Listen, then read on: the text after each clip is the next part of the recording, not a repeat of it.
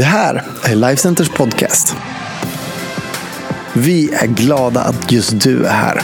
Allt du behöver veta om oss och vad som händer i kyrkan det hittar du på Lifecenter.se och våra sociala medier. Här kommer veckans predikan. Det är live också, inte bara se sig själv på bild. Det är ju en väldigt spännande upplevelse ibland att göra det. Ehm, men precis som jag sa på den här korta videon som vi kör runt på alla våra campusar så är det så här att vi har eh, starten av vår Heart for the House-satsning idag. Och den 22 november så gör vi vår årliga insamling. Vet en sån här årlig insamling som vi gör utöver det som är vet, eh, tionde och hushållskassan som vi har i kyrkan som sköter liksom vår löpande verksamhet. Så är Heart for the House det som gör att vi kan göra någonting extra, att vi kan eh, expandera.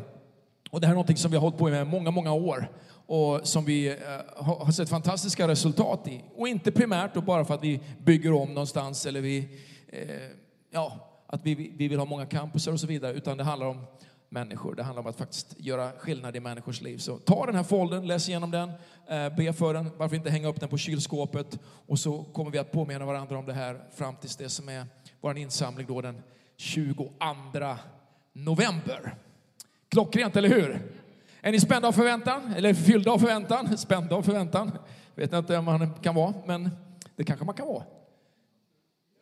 Är ni glada eller? Är ni, ni, ni, ni, ni, inte- ni är inte nervösa nu på något sätt? Då, då ska vi slappna av. Hörrni, jag tänkte tala idag faktiskt om just det här, Heart for the House, att det gör skillnad. Och oavsett då om du är en del av den här kyrkan eller du är en gäst här idag så hoppas jag att jag kunna förmedla några tankar till dig som, som kanske beskriver lite mer och kanske förklara egentligen vad det är vi håller på med här och varför vi håller på med och varför vi tror att kyrkan gör skillnad i den här världen.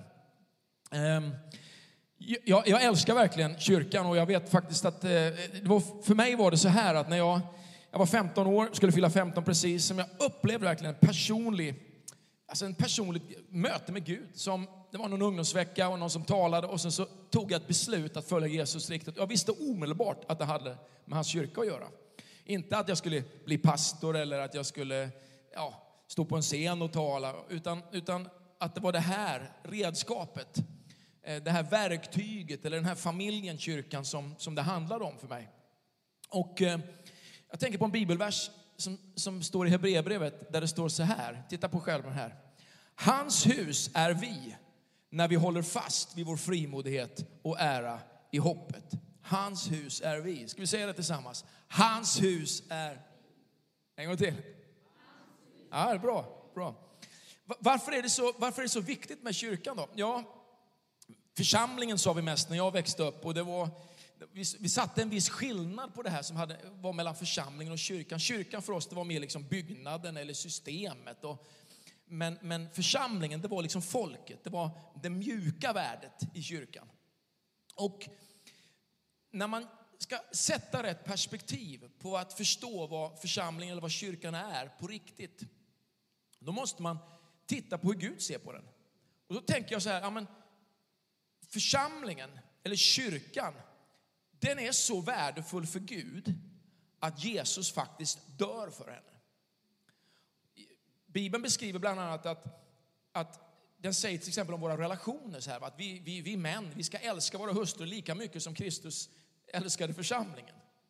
Alltså bilden av att man tömmer sig själv, man ger sig som maxat för varandra. Det är liksom modellen, eller det är föredömet och det är beskrivningen av hur mycket Gud älskar egentligen de människor som är hans familj, hans hus.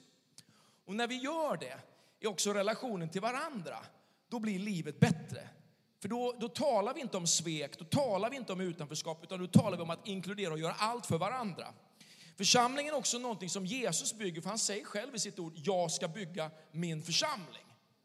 Och så talar han om att helvetets alla makter, de ska inte ha någon makt över den. De ska inte ha någon kraft över den, utan de ska vara fria, trygga, starka liksom i det han har gjort med den. Och att den har en sån styrka inneboende i sig själv, kyrkan, att den faktiskt kan bryta igenom oavsett vilket tryck den står under. Men Bibeln talar också om att församlingen, det är det som Jesus ska hämta tillbaka en dag till sig. Alltså att när man beskriver det här, vet ni, med, ni, har- ni har kanske hört de här uttrycken, Kristi brud, och, och, och då har man använt de uttrycken så, så twistat och så vrickat, va? bort ifrån det som är ursprungsbilden. För bilden beskriver en församling en, en grupp människor va? som ska förenas med Jesus för evigt. Va? Att man ska liksom, det ska inte finnas en separation utan vi ska alltid vara tillsammans. Och sen så talar man också om att församlingen, kyrkan, liksom det är det redskap Gud har valt för att presentera sig själv för den här världen. Alltså att du och jag, det är Guds fötter och Guds händer och Guds mun när den här världen ska liksom eh, touchas med det budskap som Gud har till den här världen. Och det tror jag är superviktigt. Så när man ibland då kan höra människor tala lite illa om kyrkan eller sådana saker, då, då, brukar jag tänka så här, ja, men det är för att man inte har förstått egentligen vad kyrkan är. Man har inte förstått vad församlingen är, utan man har någon snedvriden eh, bild då som, som vi förhoppningsvis kan hjälpa till att och, och, klara ut. Då. Så vad gör oss till människor egentligen som, som har ett hjärta för en sån här kyrka eller vilken kyrka du än tillhör eller om du ska vara en del av en sån här kyrka. Vad är det som får dig liksom att brinna för att det här är bra och det här är viktigt? Det finns en bibelberättelse som är första gången Bibeln talar om Guds hus. Och det är när en av de här första ska säga, nyckelpersonerna i Bibeln, han heter Jakob, när han flyr undan från sin bror som han har lurat liksom på, på någonting. Då. Och eh, i den här förföljelsen så, så somnar han ute på, liksom, i öknen. Va? Och han, han ser en drömbild av en stege som reser sig upp mellan jorden och himlen och änglar kliver ner och de kliver upp och, och de betjänar honom. Och den där bilden beskriver någonting som faktiskt förstärks genom hela Bibeln. Och när Jesus sen dyker upp på banan i Nya Testamentet så använder han den bilden. Titta här får du se. I, vi kan ta den här bilden om Jakob först i första Mosebok 28 så står det så här. Herren är verkligen på denna plats och jag visste det inte. Han greps av fruktan och sa, hur helig är inte Herren på denna plats? Det måste vara Guds boning, Guds hus. Här är himlens port, alltså den här, när änglarna går upp och ner. Va? Här är Guds hus. Och så kommer Jesus då, så läser vi om det i, i Johannes 1, så står det så här. Va? Jag säger er sanningen, säger han. Ni ska få se himlen öppen och Guds änglar stiga upp och ner över Människosonen. Alltså, han försöker att förklara att det finns ett folk och det finns en plats och en tillhörighet som är liksom länken mellan himmel och jord. Va? Där, där Gud vill visa sig, där han vill liksom bli synlig, där han vill manifestera sig själv. Så jag tänkte så här, varför inte bara titta på några enkla bilder av hur Bibeln beskriver Guds hus, den här familjen då. Och det första är just en familj. Om man tittar i Timoteus, första Timoteus brev 3 och 15 så står det så här. Men om jag dröjer vill jag att du ska veta hur man bör bete sig i Guds hus, som är den levande Gudens församling, sanningens pelare och grundval. Och det är ganska intressant att veta att den här första kyrkan som existerar här, de har inte byggt massa nya kyrkor, utan de, de går till olika hus, olika hem och de har olika samlingslokaler om de har förmånen och friheten att kunna vara där. Och, och, när Paulus då som skriver de här orden talar till den här församlingsledaren, den här nya pastorn, den här Timoteus-killen här, eller unge mannen, så, så berättar han alltså att det finns vissa uppförandekoder man gör, så här gör man i kyrkan. Och så, så säger han, så här gör man inte. Och han beskriver det här som en familj, att kyrkan är en familj. Och då måste man förstå att i gamla testamentet, då var, då var folket och Gud separerade. Och man var tvungen att gå till templet för att där skulle Gud då uppenbara sig. Och oftast då genom en länk då som var prästen. Men i Nya Testamentet så är det inte så. Utan då är vi som tror på honom, hans familj.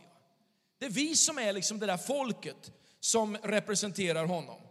Och då finns det en livsstil och det finns ett mönster som vi är kallade att, att repetera, att presentera.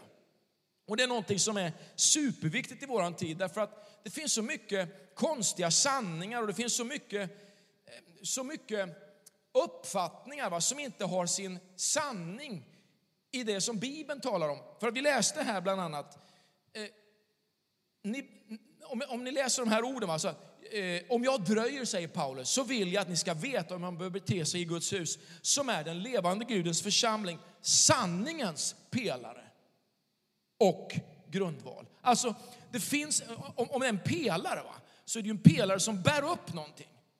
Och då, om vi bär upp en uppfattning om Gud eller hur man presenterar Gud för den här världen, så måste den bygga inte bara på massa åsikter, va? utan den måste bygga på sanning. Och vad är det hos den sanningen? Jo, det är sanningen om hur Gud presenterar sig själv. Att Gud inte är ond, utan att Gud älskar. Va? Att Gud älskar alla människor så mycket att han ger sig själv för den här världen. Att Gud inte dömer mellan människor, utan oavsett om man är jude eller grek, rik eller fattig, man eller kvinna, så är man lika mycket värd. Va? Det är sanningen om Gud. Och när man då tänker på familjen så finns det naturligtvis mera tankar. Familj, ett annat ord på F är församlingen då som jag berättat om tidigare här. Det står det i Hebreerbrevet 3.6 som vi läste att hans hus är vi. Ja, men om i gamla testamentet, om huset var ett tempel, va? och i nya testamentet och i våran tid så är huset vi. Vad säger det om oss? Jo, det säger om att det, det måste vara, det här huset måste kännetecknas av någonting. I Hebreerbrevet 3 och 6 så läste vi så här. Hans hus är vi när vi håller fast vid vår frimodighet och ära i hoppet. Alltså, det finns en gemenskap som är Guds folk här och nu, som är frimodiga. Va? Det finns ett hopp när vi går fram. Det är, liksom inte, det, det är inte deppigt, det är inte nederlagsbetonat, utan det är glädje, det är frimodighet, det är hopp, det är roligt, det är kul, det är starkt, därför att vi behöver det. Därför att livet har ju också de här andra sakerna. Har ju alla de här andra grejerna som, som vi möts av som människor. Va? Men om vi då bara skulle samlas för att liksom dissekera alla våra problem här. Hur roligt skulle det vara att gå till kyrkan då? Vi är ju här för att presentera ett hopp mitt i alla de här situationerna. Att presentera tro mitt i de här situationerna. Så Bibeln beskriver det här med två bilder. Den, den talar om församlingen som, som eh, ett hushåll där liksom farsan är Gud, pappa är Gud. Och han liksom är ju liksom lite ordning där då.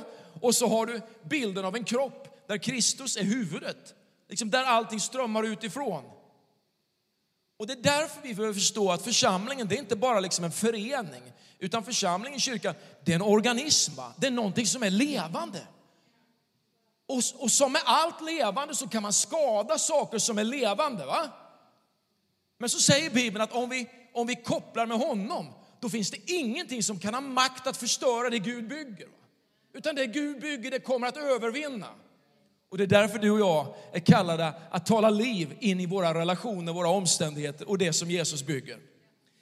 Det tredje jag tänker på är att församlingen är ju viktig och, och, och, och, och, det som handlar om familjen är viktigt. Men vi är också ett folk. Va? Vi är ett folk som har en framtid. Titta på det här ordet och nu är det nästan så att du tänker så här när jag, när jag läser det här att nu, nu, nu vad är han på väg nu, pastorn egentligen? Titta här, första Petrus brev 4.17. Tiden är inne för domen. Och jag visste det, det var precis det som jag tänkte när jag gick till kyrkan. Nu kommer det. Nej, nej, nu tar du, take it easy. Take it easy. Kolla här. Tiden är inne för domen och den börjar med Guds hus. Ja, det har jag sagt i alla tider. Det är de kristna som är de värsta. Ja, ska vi läsa vidare? Tiden är inne för domen och den börjar med Guds hus. Men om den börjar med oss, vad blir då slutet för dem som inte lyder Guds evangelium? Okej, okay. vad handlar det här om? Jo, det handlar om att Gud, han, han bygger en framtid. Men när han bygger någonting så är det precis som när du programmerar en dator. Va? Man brukar säga liksom, i, i programmeringen, när man läste det en gång i tiden, det har jag faktiskt gjort, men det är länge sedan. Då var det alltid det här, va? skit in, skit ut. Va? Alltså, ju sämre kod man programmerar, desto sämre resultat. Va? Så att om vi ska förvandla den här världen, om, om framtiden ska bli annorlunda i den här världen, då gäller det att det är hälsosamt i källan. Va? Att det är hälsosamt i grunden, att du och jag har det bra. Att våra liv, vi kan, inte, vi kan liksom inte brösta oss va? och säga att vi tittar vad vi är bra och vad vi är duktiga. Om det liksom är mörker på insidan, låt oss ta hand om våra liv på rätt sätt. Därför att Gud kommer titta på det där när han bygger framtiden. Sen finns det ett framtidsperspektiv som man brukar kalla för eskatologi och det är det som kommer, det som är evighet och det som handlar om allt det här som, som kommer vara där sen när det här jordelivet är över. Men jag ska inte gå in på det just nu. Men det, det här handlar om att vi kan vara förenade i ett uppdrag för en framtid som Gud bygger som är jättehärlig. Men den beror på hur vi har det i våra egna liv. Okej, okay. Eh, det finns ett eh, ganska intressant bibelord. Titta på det här, får du se nästa här. Om någon, se vad kan få upp dig från eh, första Korinthierbrevet 3.17. Om någon fördärvar Guds tempel ska Gud fördärva honom. För att Guds tempel är heligt och det templet är ni. Och då tänker jag så här, om du inte bara hamnar liksom i domen över det, utan du släpper lite av domen och så tänker du så här, varför ska du nedvärdera dig själv så mycket? Eller varför ska du tala illa om dig själv om Gud har gjort någonting i ditt liv? Varför ska du tala illa om en kompis eller om någonting som Gud gör eller något som Gud bygger? Det, det producerar inget härligt va? Utan tala upp det Gud gör. Respektera ditt liv, respektera liksom det han har lagt i ditt liv. Därför att det är heligt. va? Det Gud gör är heligt, det är något som är gott. Så tala inte ner det i andra människor, utan tala upp det, men tala också upp det i ditt eget liv. Gå inte omkring hela tiden och liksom säga ja, jag är värdelös, jag är kass, jag kan ingenting, jag förmår ingenting. Därför att Gud han vill ju bygga dig. Och det han har planterat i dig är fantastiskt. Va? Det är något som är så stort och som är så mäktigt och som har sån förmåga att, att bara multiplicera sig i den här världen. Så tala upp det, tala tro i det. Är ni med på det här? Okej, okay, då finns det naturligtvis lite kännetecken och här ska du få tre stycken på fem minuter. Okej. Okay. Hurdana är de här människorna som är i Guds församling då, i Guds hus? Hur är man egentligen när man är i kyrkan? Ja, det första så är det det här. Man är ett folk som är fylld av tro. Och, och, och jag ska förklara varför. Om det står så här och vi har läst, hans hus är vi när vi håller fast vid våran frimodighet och ära i hoppet. Ja, låt mig ge dig ett jättebra exempel. Om det är bara en enda grej som du får med dig ifrån den här gudstjänsten så är det den här. Jag ska be bandet att ni kommer upp på scenen också nu. Lyssna här. En del människor, de använder sina ord bara för att beskriva sin situation. Ja, mitt liv är så här, allting är så här, så här är det där, så här är det här och du gjorde, du sa och, och jag sa då och då hände detta och det här är liksom, och, och det är fruktansvärt och det här är hemskt och, och det här har jag varit med om. Och jag möter ganska många människor som lever de liven. Det enda man hör, det är en beskrivning med orden om hur det är. Men Guds ord har gett oss en annan nyckel. För Guds ord säger att vi kan tala till situationerna. Vi kan tala till problemen. Vi kan tala till känslorna. Vi kan tala till våra omständigheter. Vi kan tala in i omöjligheterna. Min bibel säger så här om man läser den väldigt enkelt och tydligt. Till exempel i, i Markus 11 så säger Jesus så här, om någon säger till detta berg, häv dig upp och kasta dig i havet. Vad händer då? Jo, då, då, då ska han, om han inte tvivlar, va, få se det hända. Och vad betyder det här för mig? Ja, det betyder samma sak för dig. Att de här omständigheterna som vi har, som vi så gärna talar om, det är som att vi står i en grop och så skyfflar vi. va? Och ju mer vi pratar om det, desto djupare kommer vi. Men vi kan också tala till situationen, vi kan tala till omständigheten, vi kan tala till mörkret och vi kan predika för de här omständigheterna det Guds ord säger och det Gud säger om situationerna. Men jag kanske är deppig, jag kanske har mött en svår sak, jag kanske har sjukdom, mina barn kanske går igenom strul, men vi kan tala in i de situationerna. Vi kan använda det hopp som Gud ger och det Guds ord ger. Att det är inte kalkat, det är inte kört för mitt äktenskap eller min ekonomi. Liksom vi kan tala liv in i det. Vi kan tala hopp in i våra egna liv. Använd ditt ord, dina ord inte bara till att beskriva det som händer, utan tala dina ord in i situationerna istället. Det andra jag tänker på, det är just ordet. För det står faktiskt så här i första Petrus brev att vi är födda på nytt, inte av en förgänglig säd utan av en oförgänglig genom Guds levande ord som består. Vad är det som förvandlar våra liv? Jo, vi fick tag på ett evangelium som talade kärlek in i våra liv. Att vi kan få kontakt med Gud igen och att Gud kan förvandla våra liv. Och det ordet födde oss på nytt. Va? Så finns du i en situation så finns det också ett ord som kan förvandla ditt liv. Finns det någonting som kan förändra din situation? Kanske inte van att gå i kyrkan, kanske inte van att komma hit. Men det finns ett ord från himlen, kommer du ihåg stegen va? Som vill kliva ner här, rakt in i ditt liv och så säger hej, jag älskar dig. Jag har en plan med ditt liv. Var inte orolig. Var inte rädd. Var inte frustrerad. Det finns en väg för dig. Det finns en väg även om inte du ser en väg. Det finns ett hopp även om inte du har ett hopp. Det ordet kan förvandla våra liv. Jag tänker också till sist på, låt mig avsluta med det, att det finns en handling bland de människor som tror på Gud. Att vi ska inte bara sitta liksom i någon egen liten tillvaro och, och liksom gegga i vårt eget, utan vi är här för att göra en skillnad i den här världen. För en, 10, 15, 20 år sedan så talade vi ofta om de här orden. Find a need and fill it. Alltså hitta ett behov och fyll det behovet. Jag tror att vi kallar att göra det. Att se människor runt omkring oss och göra skillnad i deras liv. Att hjälpa människor, att upprätta människor. Jag, jag tror att det är så viktigt för dig och mig att förstå att vår tro, den är inte bara där passivt för oss själva, utan den finns där för att göra skillnad i den här världen. Och det är en av orsakerna att vi bland annat har Heart for the House den 22 november. Amen. Ska vi ställa oss upp allesammans?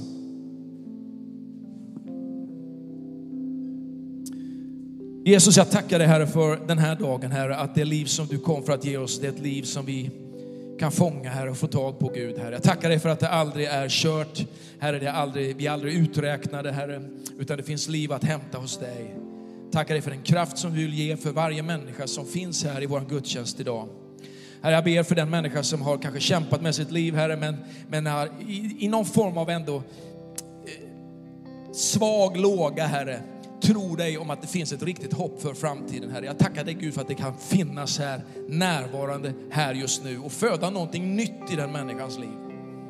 Jag ber för den som har kommit hit med någonting på hjärtat, Herre, som man skulle vilja se en förändring i. Jesus, jag tackar dig för att mötet med dig, det kan förändra allting. Och jag ber Gud för varje person, jag ber för varje människa som har lyssnat på den här predikan idag. Och jag tackar dig Jesus för ett levande hopp som vi kan få i dig Herre. Och att du aldrig glömmer oss, att du aldrig lämnar oss. I Jesu namn.